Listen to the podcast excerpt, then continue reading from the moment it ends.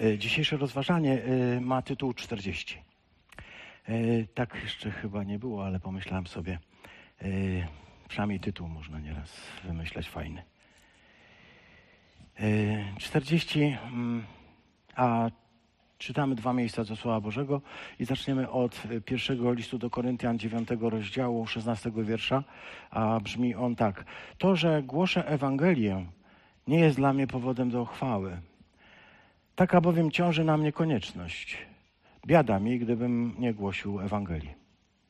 A drugi tekst pochodzi z Ewangelii Mateusza, 28 rozdziału, 19-20 wiersz czytaliśmy w czwartek na nabożeństwie, ale przeczytam go w takim przekładzie dynamicznym, własnym, tak e, jakby e, dosłownie oddając, e, może mało literacko, ale dosłownie oddając dynamikę zawartą w, tym, w tych zdaniach. Będąc w drodze, czyńcie uczniami wszystkie narody, chrzcząc je w imię Ojca i Syna i Ducha Świętego i nauczając ich strzec wszystkie rzeczy, jakie przekazałem wam, a oto ja z wami jestem przez wszystkie dni, aż do końca czasów. Amen. Dziękujemy Ci, Panie Boże nasz, za to, że Ty jesteś z nami i pozostaniesz do końca naszych dni i do końca naszych czasów. Dziękuję Ci za to, że byłeś, jesteś i pozostaniesz. Tobie dzisiaj powierzamy nasze serca i prosimy, aby Twój Duch dzisiaj wypełnił nas w imię Chrystusa. Amen. E, Właściwie ten tytuł jest e, pewną zagadką, e, która się w ciągu tego dzisiejszego rozważania pewnie jeszcze da rozwiązać. E, 40 e, również dlatego, że mamy 40 dni od e, zmartwychwstania. Zobaczcie, jak ten czas biegnie. 40 dni od zmartwychwstania to jest e, taki szczególny czas. Jezus Chrystus, e, wychodząc e, na górę z, e, ze swoimi uczniami, przykazał im ostatnią rzecz. Jest to Jego ostatnie słowo, ostatnie przykazanie. Chcę powiedzieć, Jego ostatnie przykazanie jest naszym pierwszym przykazaniem. Jego ostatnie zdanie, testament, który nam zostawia, który mówi, będąc w drodze, czyńcie uczniami wszystkie narody, jest dla nas jako Kościoła pierwszym i podstawowym zadaniem. E, Chcę powiedzieć może tak troszkę e, e, jakby na zasadzie, nie wiem, warunku, ale coś na zasadzie pewnej ekwiwalencji. Kościół rozwija się i jest wtedy Kościołem, Wtedy i tylko wtedy, w tym sensie, gdy realizuje to powołanie, by iść, być w drodze i głosić Ewangelię. Chcę powiedzieć, że tylko wtedy, gdy idzie, głosi Ewangelię, ma tę obietnicę, że Pan jest z nami po wszystkie dni. Bóg nie obiecał nam, że będzie z nami, gdy będziemy leżeć sobie i nic nie robić. Bóg nie powiedział, że będzie z nami, gdy po prostu e, stracimy sens życia. On powiedział, że będzie z nami, gdy idziemy razem z Nim w drodze i te przykazanie powinno w nas siedzieć. To, że On poszedł e, do nieba, nie jest dla nas przykrością. Jego służba na ziemi była lokalna i ograniczona zarówno w czasie, jak i w przestrzeni. A my dzisiaj mamy kogoś, kto zasiadł na tronie. I chcemy to powiedzieć dzisiaj tak radośnie i uczciwie, że na tronie wszechmogącego Boga, na tronie e, króla chwały zasiadł człowiek. Byśmy powiedzieli zwykły i oczywiście absolutnie niezwykły. Zwykły, bo normalny człowiek, mający takie ciało jak ty, jak ja, mający takie same zmysły, mający te wszystkie sam, te same cechy. Jest człowiekiem, który zasiadł na tronie wszechmogącego Boga. I dla Kościoła to jest dzień zwycięstwa. Wiecie dlaczego? Również dlatego, że On pokazał nam drogę, którą każdy z nas przebędzie. On powiedział nam, gdzie jest nasze ostateczne przeznaczenie. Dzisiaj jesteśmy, dzisiaj jesteśmy tutaj, dzisiaj jesteśmy w różnych trudnych miejscach. I nieraz możemy tracić em, z oczu e, i cel, ale także brakuje nam siły. Nieraz pewien sens nam ucieka. Ale chcę powiedzieć, że gdy popatrzymy się na siedzącego na tronie Chrystusa i pomyślimy, że On nas wezwał, byśmy z Nim razem usiedli na tronie, to daj Boże, nadaje to sens każdemu naszemu trudowi. Mogę powiedzieć, jeszcze tyle wytrzymam. Jeszcze tyle wytrzymam. Jeszcze dam ten następny krok. Jeszcze tyle mam siły, żeby być w drodze. Nie wiem, e, czy mi starczy to na dłużej, ale wiem, że dzisiaj, dzisiaj mam siłę. Dzisiaj mam jeszcze tyle siły, by wyruszyć dalej w tę drogę. Ponieważ wiem, jaki jest cel, jaka, jaki jest sens i jaka jest nagroda, która mnie czeka. Tą nagrodą jest zasiąść z nim razem za stołem. Zaprasza nas na ucztę. Mówi, jesteście mile widziani tam po drugiej stronie. Niektórzy już tam są. Biegu dokończ, dokonali. Nieraz jest to dla nas naprawdę trudne do przyjęcia, ale wiemy. Kościół jest ciągle w drodze. Jest i e, taką ma e, fantastyczną okoliczność. I dzisiaj to, to święto, święto w niebowstąpienia, ono obchodzone w czwartek, ale dzisiaj chcę je przypomnieć i uświadomić, to jest wielki dzień zwycięstwa. E, wrócę do tego tekstu, który e, był e, pierwszy czytany, czyli do tekstu, który znajduje się w liście do Koryntian w 9 rozdziale w 16 wierszu. Dlatego, że oba te teksty są ze sobą zespolone, ale jest pewien powód, dla którego chcę Wam dzisiaj na podstawie tego tekstu zwiastować. To głoszę Wam i to, że głoszę Ewangelię, mówi święty Paweł, nie jest dla mnie powodem do żadnej chluby, żadnej chwały. Jest to nawet pewną koniecznością, którą mam zawartą e, w swoim sercu, bo biada mi, biada mi, gdybym Ewangelii nie głosił. E, chcę powiedzieć, że każdy z nas jest powołany do tego, by to poselstwo Chrystusa realizować. Kościół może być zwycięski tylko wtedy, gdy wszyscy jego członkowie rozumieją, po co są. Myślę, że fatalną rzeczą jest, co obserwujemy nieraz w, w takim chrześcijaństwie y, jakby mainstreamowym, takim tym y, głównego nurtu, to to, że są tam wyodrębnieni pewni ludzie do głoszenia Ewangelii i potem się nie dziwimy, że jakość y, tego, co tam się dzieje, ale też, że dynamika tego spada. Bo prawdziwie w Kościele każdy chrześcijanin jest wezwany do tego, by mógł być misjonarzem. Jezus, kiedy powiedział, że mm, macie iść i głosić, to powiedział bliżej nieokreślonej liczbie e, uczniów. Wciąż to powtarzał. Będący w drodze, każdy, kto jest przez niego wprowadzony w ruch. Mi się podoba ta idea chrześcijaństwa jako takiej, um, takiego, takiej kuli bilardowej, którą Chrystus wprowadził w, ruch i która powoduje uderzenie w następną bilę i wprowadzenie następnej energii i tak się rozwija. Ale e, wiesz, jaką, jaka jest y, y, sytuacja, kiedy kula bilardowa spoczywa już na stole i, i już wykonała swoją rolę? Jakby przestaje być aktywna. Bóg chce, abyśmy dalej mm, tę energię wprowadzali, żebyśmy dalej to wszystko głosili. Każdy, kto spotkał Chrystusa, może zawołać dzisiaj: Znalazłem Mesjasza. I nikt z nas, siostry, bracia, nie jest z tego zwolniony. Chcę to powiedzieć. Kościół to nie jest tak, że to, wiecie, pastor, ewangelista, apostoł ma zwiastować Ewangelię, a pozostali mogą się tylko przyglądać i ewentualnie mówić, mm, bardziej. Jest taka funkcja e, truteń e, w, e, w ulu.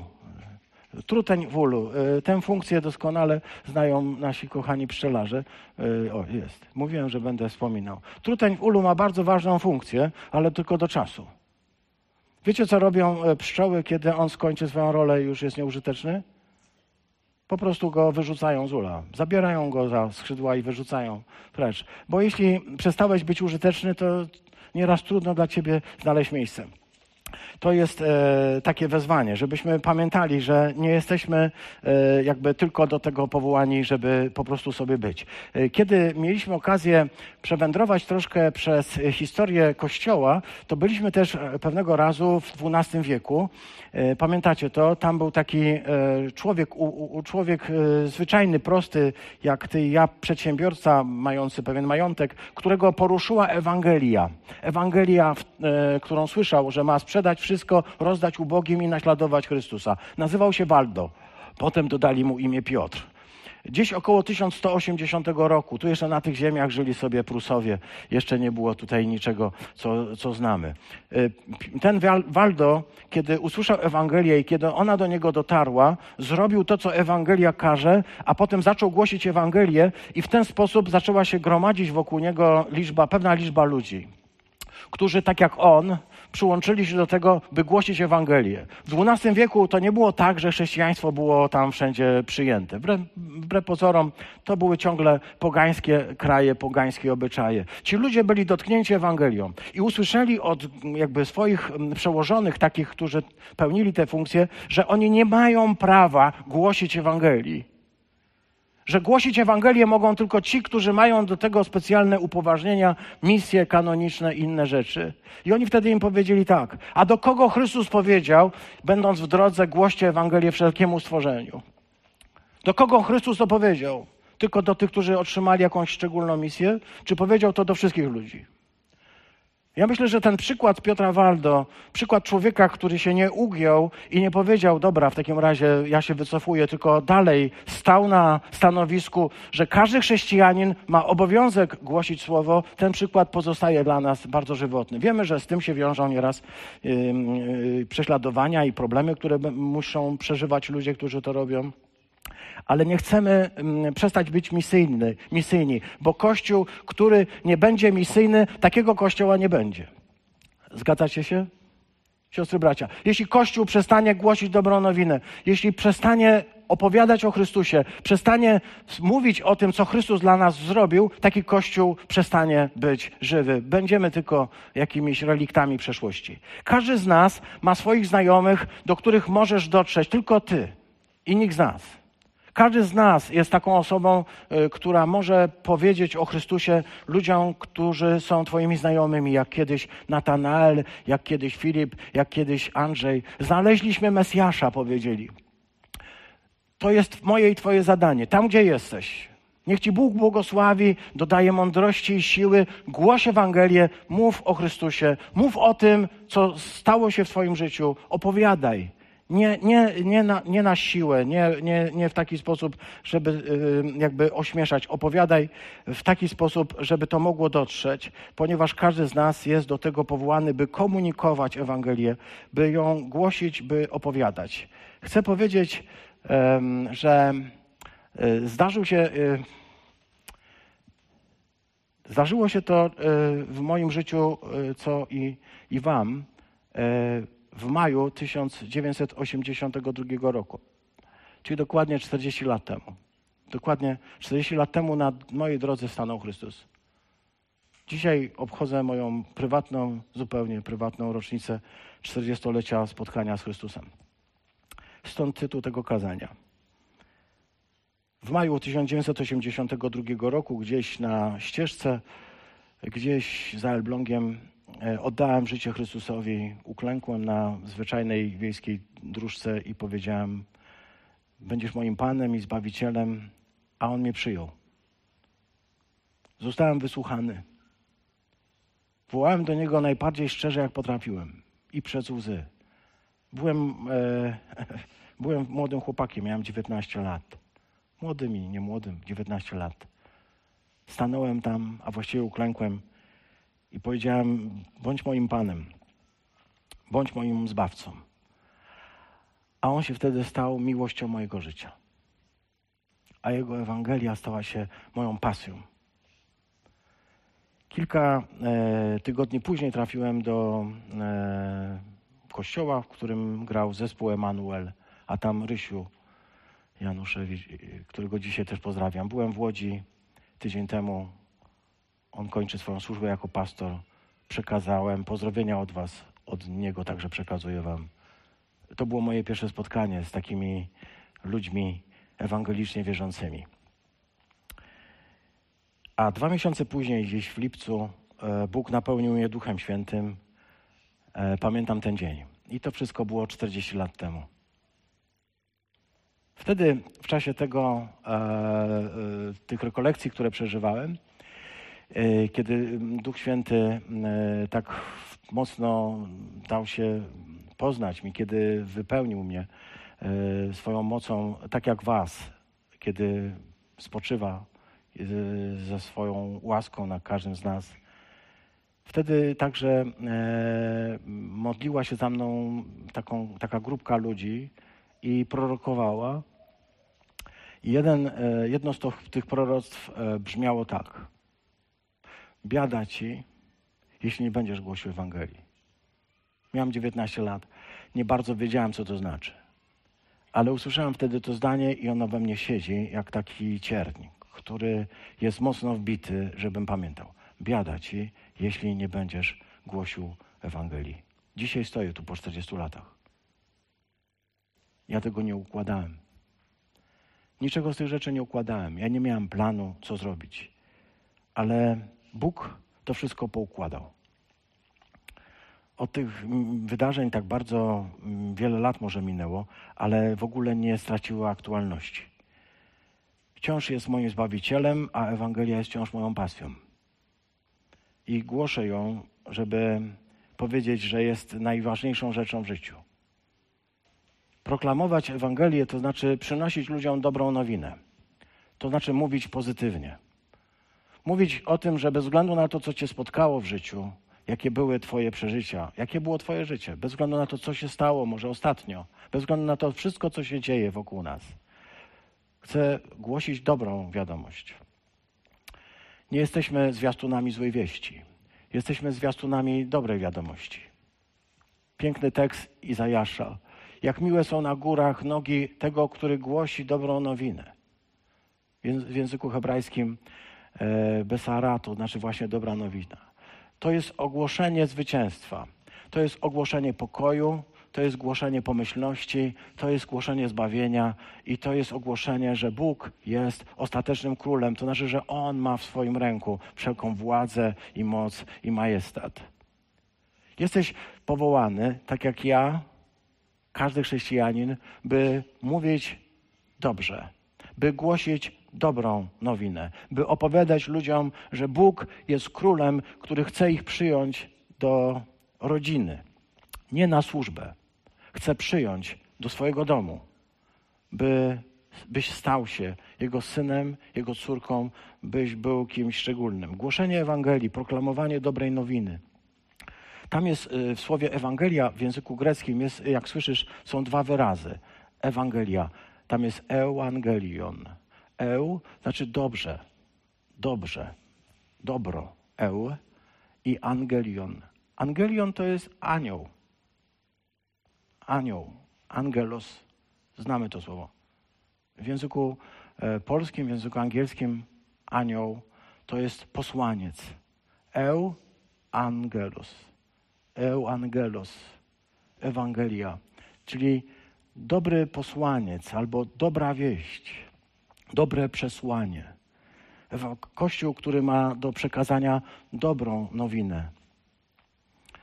Dzisiaj błogosławiliśmy małe dzieci, by powiedzieć, niech Pan wyciągnie swoje ręce i niech mówi o nich dobrze dzisiaj. Ale też mówiliśmy o roli, jaką mają rodzice, by e, afirmować swoje dziecko, by mówić mu, że jest piękne, jest cudowne, że jest wyjątkowe, że jest szczególne i że e, jest kochane dlaczego to robimy? Dlatego, że Bóg to robi wobec nas.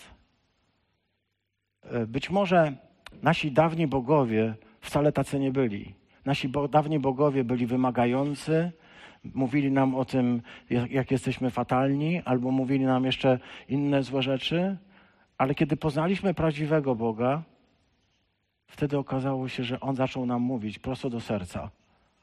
Mówić nam o tym, jak wartościowi dla Niego jesteśmy. Oczywiście odkrywamy to, jaki On jest piękny, jaki jest kochany i cudowny, ale odkrywamy też i tę prawdę, która dla nas ma szczególne znaczenie, prawdę, która mówi, On mówi o mnie dobrze. On ma dla mnie same dobre wiadomości. Paweł tak nazywa Ewangelię. Za Izajaszem. Wejdź na wysoką górę, mówi 40 rozdział Izajasza zwiastunko dobrej nowiny. Podnieś swój głos, bo oto Twój Bóg.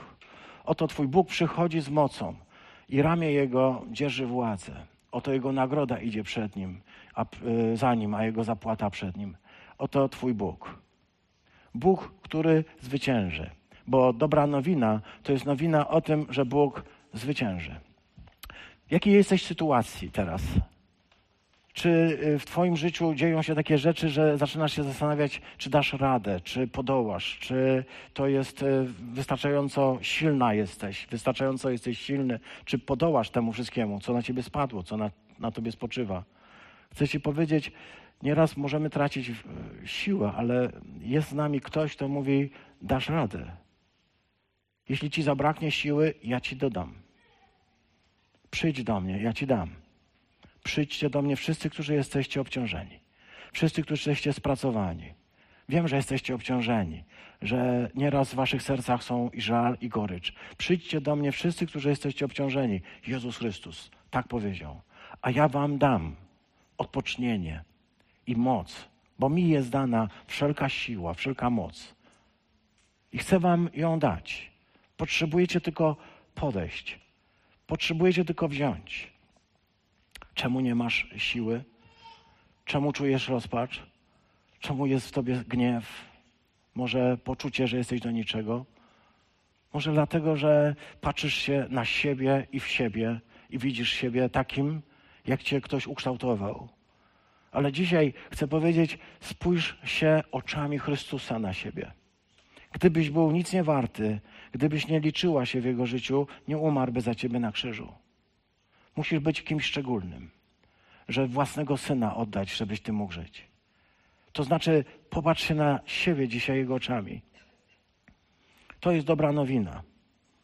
Paweł mówi właśnie tak, i myślę, że to szczególne jest, bo e, wspomina, e, nie jest to dla mnie żadnym powodem do chwały, nie jest to dla mnie żadnym powodem do chluby. Ja nie, nie będę się chwalił tym, co e, Bóg mógł zrobić, bo to nie jest coś takiego, o moim życiu mówić nie warto, powiedział święty Paweł. Wiesz, jeśli Paweł powiedział, że o jego życiu mówić nie warto, to chcę się zapytać, czy jest ktoś z nas, o, o, o kim warto mówić o jego życiu.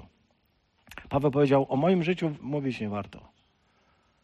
To nie jest tak. Dla mnie to nie jest powód do chwały, to nie jest dla mnie powód do chluby. Na mnie spoczywa pewien ciężar, e, bo tam to epikeimai jest słowem, które oznacza pewien ciężar, taki coś mnie przygniata. To nie jest tak, Ewangelia nie jest czymś takim, co mnie tylko unosi, ale także jakąś odpowiedzialnością, która na mnie spoczywa. Jest jakąś koniecznością, którą muszę robić. I tutaj przywołam Jeremiasza. Jest jakąś koniecznością, bo Jeremiasz tak powiedział. Chciałem nie mówić. Chciałem już więcej nie mówić, ale wtedy jakiś ogień palił mnie w kościach. Nie mogłem nie mówić. Jest dla mnie koniecznością głosić Ewangelię. Jeśli nie jest dla ciebie koniecznością głoszenia Ewangelii, to ci chcę powiedzieć, musisz się przyjrzeć swojemu chrześcijaństwu jeszcze raz.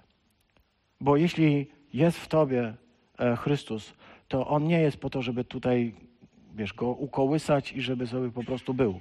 Tylko On jest tym, który chce przemieniać ludzi przez ciebie. Biada mi, gdybym nie głosił Ewangelii. Biada to jest wykrzyknik, który wyraża żal i mówi o nieszczęściu. Byłoby największym moim nieszczęściem, gdybym nie mógł głosić Ewangelii. Tak mówi Paweł. Byłoby dla mnie największym nieszczęściem, gdybym nie mógł głosić Ewangelii. Mówię Wam. Biada byłaby. Dla mnie byłaby biada. Bogu dziękuję za to, że się tak nie dzieje. Niedawno e, poproszono mnie, żebym e, wygłosił e, odczyt e, parafii w Milejewie, gdzie mieszkam, na okoliczność 50-lecia erygowania parafii e, Kościoła Rzymskokatolickiego. E, poproszono mnie o to, żebym przedstawił historię tej parafii oraz żebym przedstawił historię tego kościoła. Tam dla e, potrzeb, powiedzmy sobie, po roku 1945 był proszony ksiądz profesor, e, znany nam tutaj także we Fromborku, e, bo nieraz usługuje przy różnych referatach, a mnie poproszono o to, żebym opowiedział te 700 lat wcześniej. Co się działo przez te 700 lat wcześniej. Dano mi na to 15 minut i powiedzieli: Hulaj dusza, w 15 minut opowiedz nam, co się działo przez te 700 lat.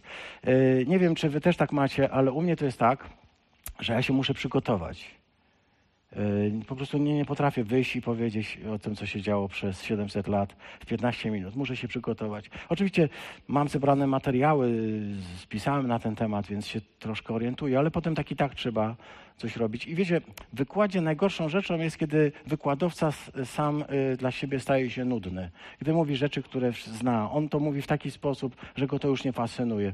Wiem, bo znam trochę wykładowców. Dlatego pomyślałem sobie, muszę znaleźć coś nowego, coś takiego świeżego dla mnie. Żebym mógł o tym opowiedzieć. Oczywiście opowiedziałem o tym, że to jest kościół, który był zakładany przez yy,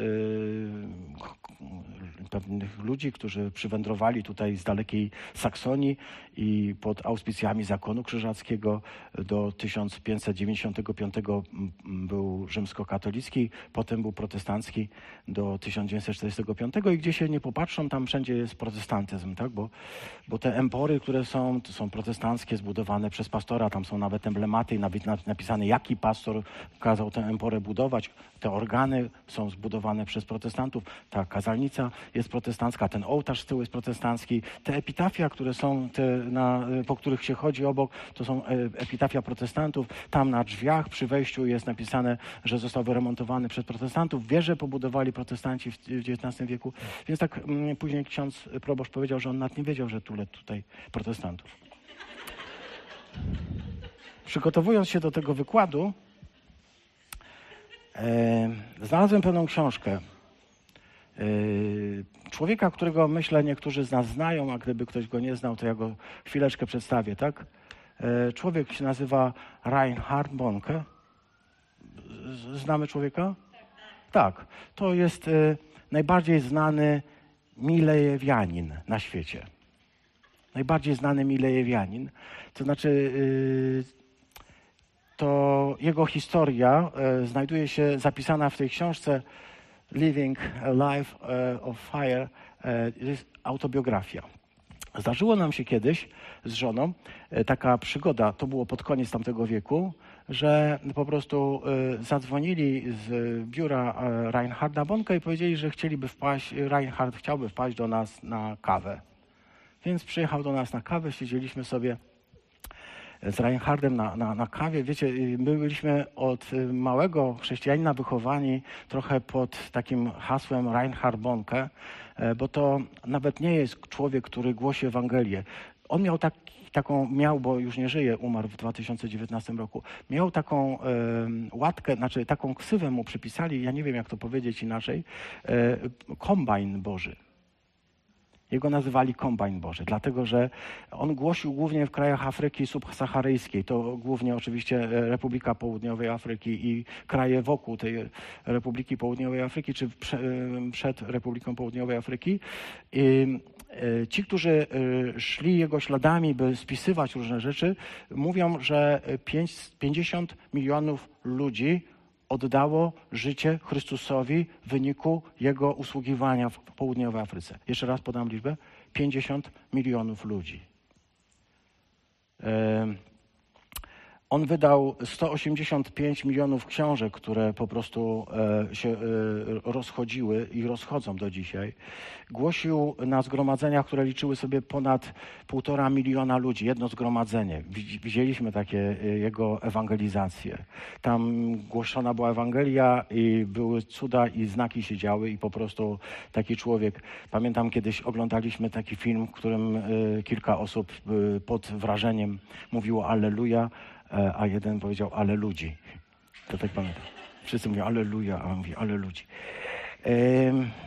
Jakoś dotarłem w pewnym momencie do jego e, świadectwa, e, do tej właśnie książki, jak widzicie, i on opowiadał o takim młynie, który znajduje się dokładnie znajdował się w Milejewie. Tam widać na zdjęciu e, kościół w Milejewie, e, to chyba dość wyraźny. E, ten młyn znajdował się między moim domem a domem mojego syna. Mateusza.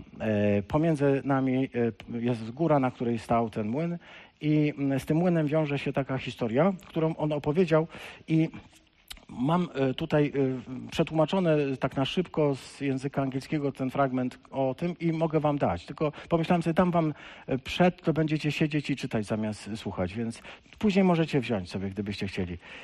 Tam jest to świadectwo. On opowiadał o tym, jak pewien człowiek, człowiek o imieniu Ludwik Louis Graf, amerykański E, misjonarz e, niemieckiego pochodzenia, który e, przyjął Chrystusa, uwierzył, został ochrzczony w Duchu Świętym, wrócił do Niemiec i no, zaczął jeździć po różnych miejscach, by głosić Ewangelię i jednego dnia wyprawił się do Królewca tu będzie szła cała ta historia. Wy, wyprawił się do królewca samochodem, był bogatym człowiekiem, bo był rusznikarzem i y, miał taki bardzo ładny model y, Mercedesa, rok 1922, więc samochody dopiero się pojawiają. Wjechał do wsi y, y, i zatrzymał się przy piekarni. Y, Tam, y, czytam w jego biografii, wyszedł y, idealnie łysy mężczyzna z takim mocnym wąsem, z pełnym wąsem. Ten mężczyzna wytarł ręce fartuch, przyglądał się kierowcy który y, jakby nigdy nic, po prostu szalikiem wycierał samochód, bo był brudny. Yy, Taki odruch mężczyzny. Kobiety, nie gniewajcie się na nas, my mamy ta, coś takiego, po prostu szalikiem wytrzemy buty albo coś innego, bo nam się wydaje, że to... On wycierał drzwi swojego pięknego samochodu, bo się zabłocił, a tam na samochodzie było napisane Jezus wkrótce przyjdzie, czy jesteś gotowy. Yy, Uśmiechnął się do piekarza yy, i ja teraz czytam, jeśli pozwolicie, ten dialog, dobrze? To będzie najprościej. Miłego dnia, ser, powiedział, wyciągając rękę z energicznym uśmiechem. Nazywam się Louis Graf, jestem sługą Bożym. Piekarz powoli wytarł ręce fartuch, potem wziął rękę Luisa i przemówił ostrożnym głosem. Dzień dobry, jestem Gerhard. My tu wszyscy luteranami. Świetnie, luteranie też potrzebują Chrystusa. Sam kiedyś byłem luteraninem, ale pewnego dnia zostałem ochrzczony w Duchu Świętym. Czy wiesz, co to jest druga pięćdziesiątnica? Mężczyzna potrząsnął głową, nie było powodu, by mógł wiedzieć. No cóż, mogę ci opowiedzieć, bo nie ma nic ważniejszego niż e, od tego, mój przyjacielu. Zacznę od początku. To znaczy, jestem w drodze do królewca, y, to tak, w tamtą stronę, i wygląda na to, że się zgubiłem. Czy mi możesz powiedzieć, co to za wieś? Trunc. To Trunc. A, Trunc. Chyba nigdy nie słyszałem. E, Trunc to jest e, nazwa Milejewa sprzed II wojny światowej. Tak przez 700 lat ta wieś się nazywała. Em, Pobłądziłem bardziej niż myślałem, zaśmiał się cicho, ale nie ma problemu. Ale to nie problem. Jestem pewien, że tutaj zresztą widać w oryginale, że jest e, po angielsku napisany ten dialog i tam jest ten trunc. This is trunc. E, Ale to nie problem. E, Przyjechałem, bym mógł głosić Ewangelię. Aleluja. A e, mówiłem już, że my tu wszyscy luteranie, odpowiedział e, piekarz. E, w międzyczasie podjechał młody chłopak na rowerze, stanął obok wpatrzony w samochód. Louis poczuł takie dziwne uczucie w klatce piersiowej, gdy Duch Święty do niego przemawia. Wy też nieraz tak macie, że po prostu taki, taki rodzaj doświadczenia fizycznego wręcz. Mm, Widzę, że moje nauczanie, mówi dalej mm, Graf, tutaj nie będzie musiało, m, będzie musiało poczekać, aż będziesz gotowy. Pamiętaj, to są ostateczne dni, Gerhardzie. Biada mi, jeśli bym nie głosił Ewangelii Jezusa Chrystusa, powiedział. I wtedy mnie coś tknęło, pomyślałem sobie, wtrąc. To samo słowo. Biada mi, jeśli nie będę, nie będę głosił Ewangelii. I zapytał tak, powiedz, czy jest ktoś chory we wsi? Powiedz, czy jest ktoś chory w tej wsi? Na co e, e, Gerhard powiedział, chory? A to ty jesteś lekarzem? Mówi, nie, jestem kaznodzieją, ale reprezentuję wielkiego lekarza. Pozwól, że zapytam e, cię o coś, Gerhardzie. Czy jeśli się pomodlę za kogoś, kto tu jest chory, a ty zobaczysz go uzdrowionym, czy uwierzysz, że zostałem posłany, aby głosić Ewangelię? Wtedy mnie wysłuchasz? Piekarz powoli zaczął się uśmiechać, kiwać głową, mówić, tak, tak, wtedy to cię posłucham. Piekarz wiedział bowiem coś, czego Louis nie wiedział. Wszyscy w Trunc wiedzieli, że jest tam ktoś strasznie chory. Gerhard uśmiechnął się do siebie, pomyślał bowiem, że ten naiwny Amerykanin będzie musiał opuścić wioskę w kompletnej porażce. No i nie będzie musiał słuchać jego kazania o tej Ewangelii. Rzeczywiście jest tu ktoś chory, ktoś bardzo chory. Nie słychać? Wskazał na wioskę, a potem przyłożył ręce do uszu. Louis zrobił to samo. Z początku nie słyszał nic poza szumem wiatru yy, napędzającego ramiona wiatraka przed nim, a potem po kilku chwilach usłyszał takie głośne a, głośne a.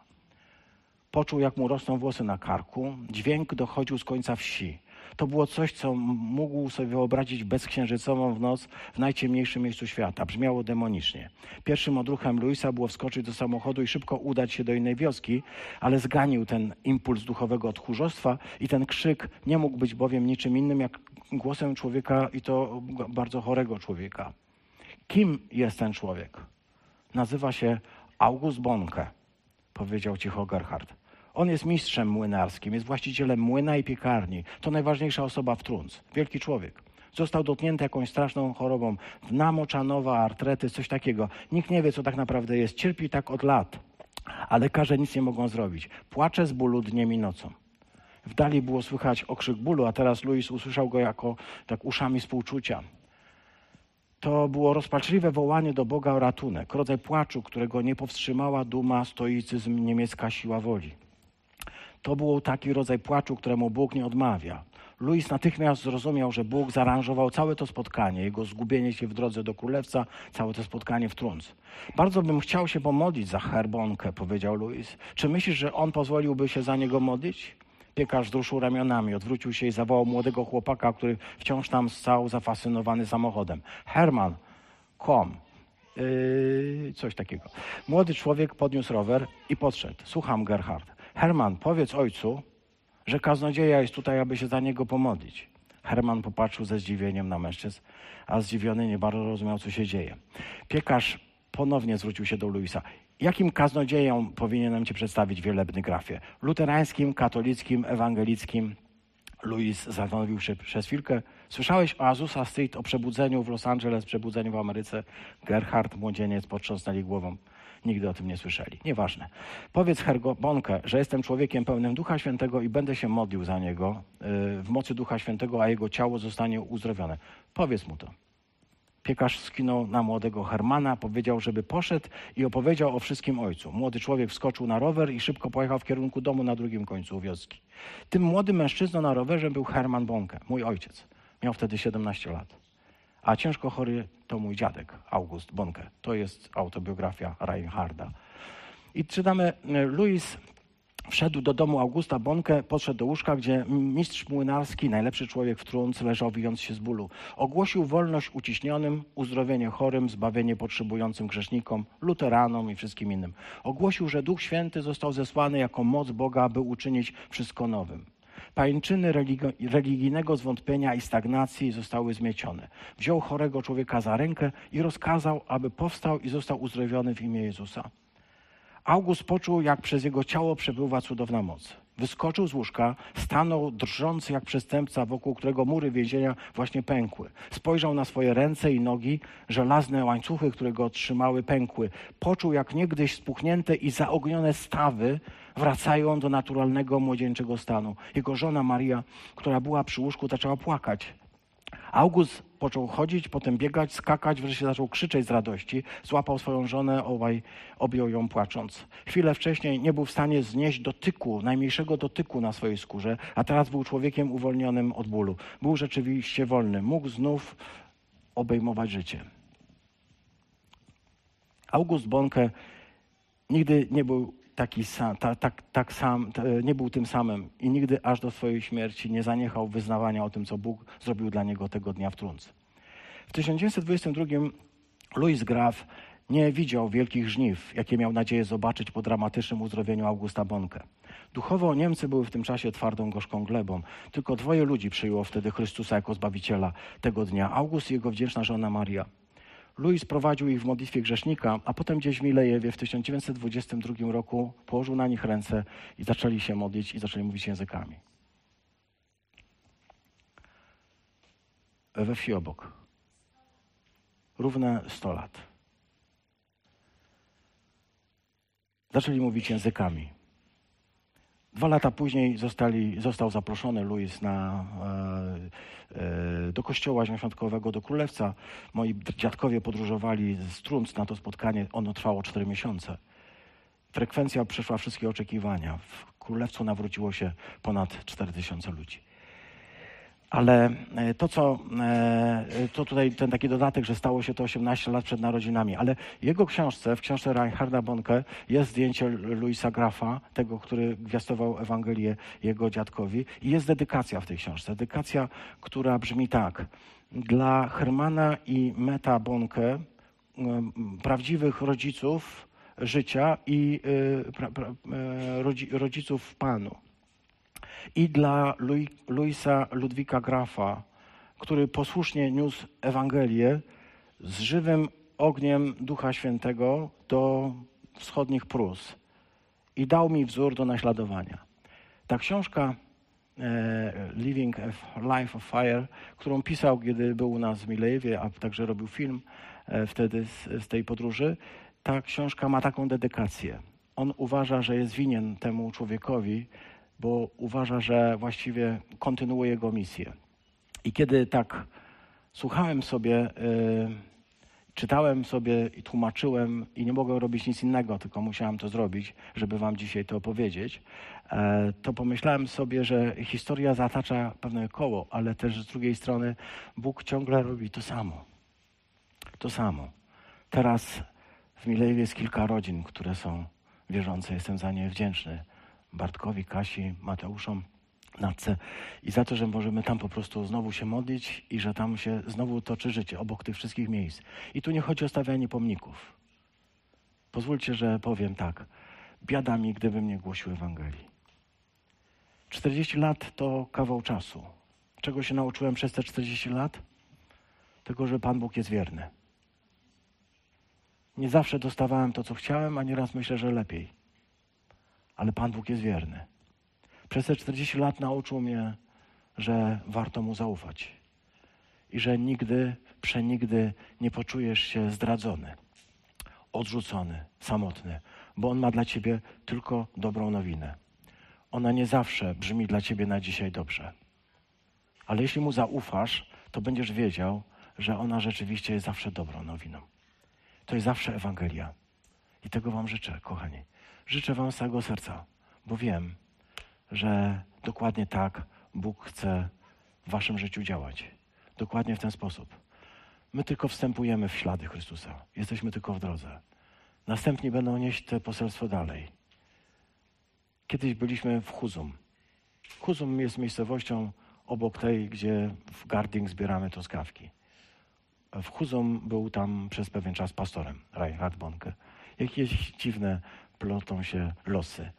Zamieściłem też link do spotkania, kiedy on opowiada o tym w jednym z programów telewizyjnych. Więc gdyby ktoś chciał, może podejść po nabożeństwie, wziąć kartkę, tam są też podane namiary. Może te świadectwo też przeczytać sobie spokojnie.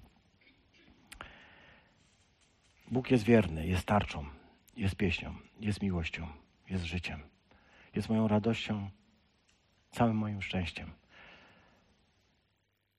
Jest moim Bogiem. Po 40 latach bardziej. Amen.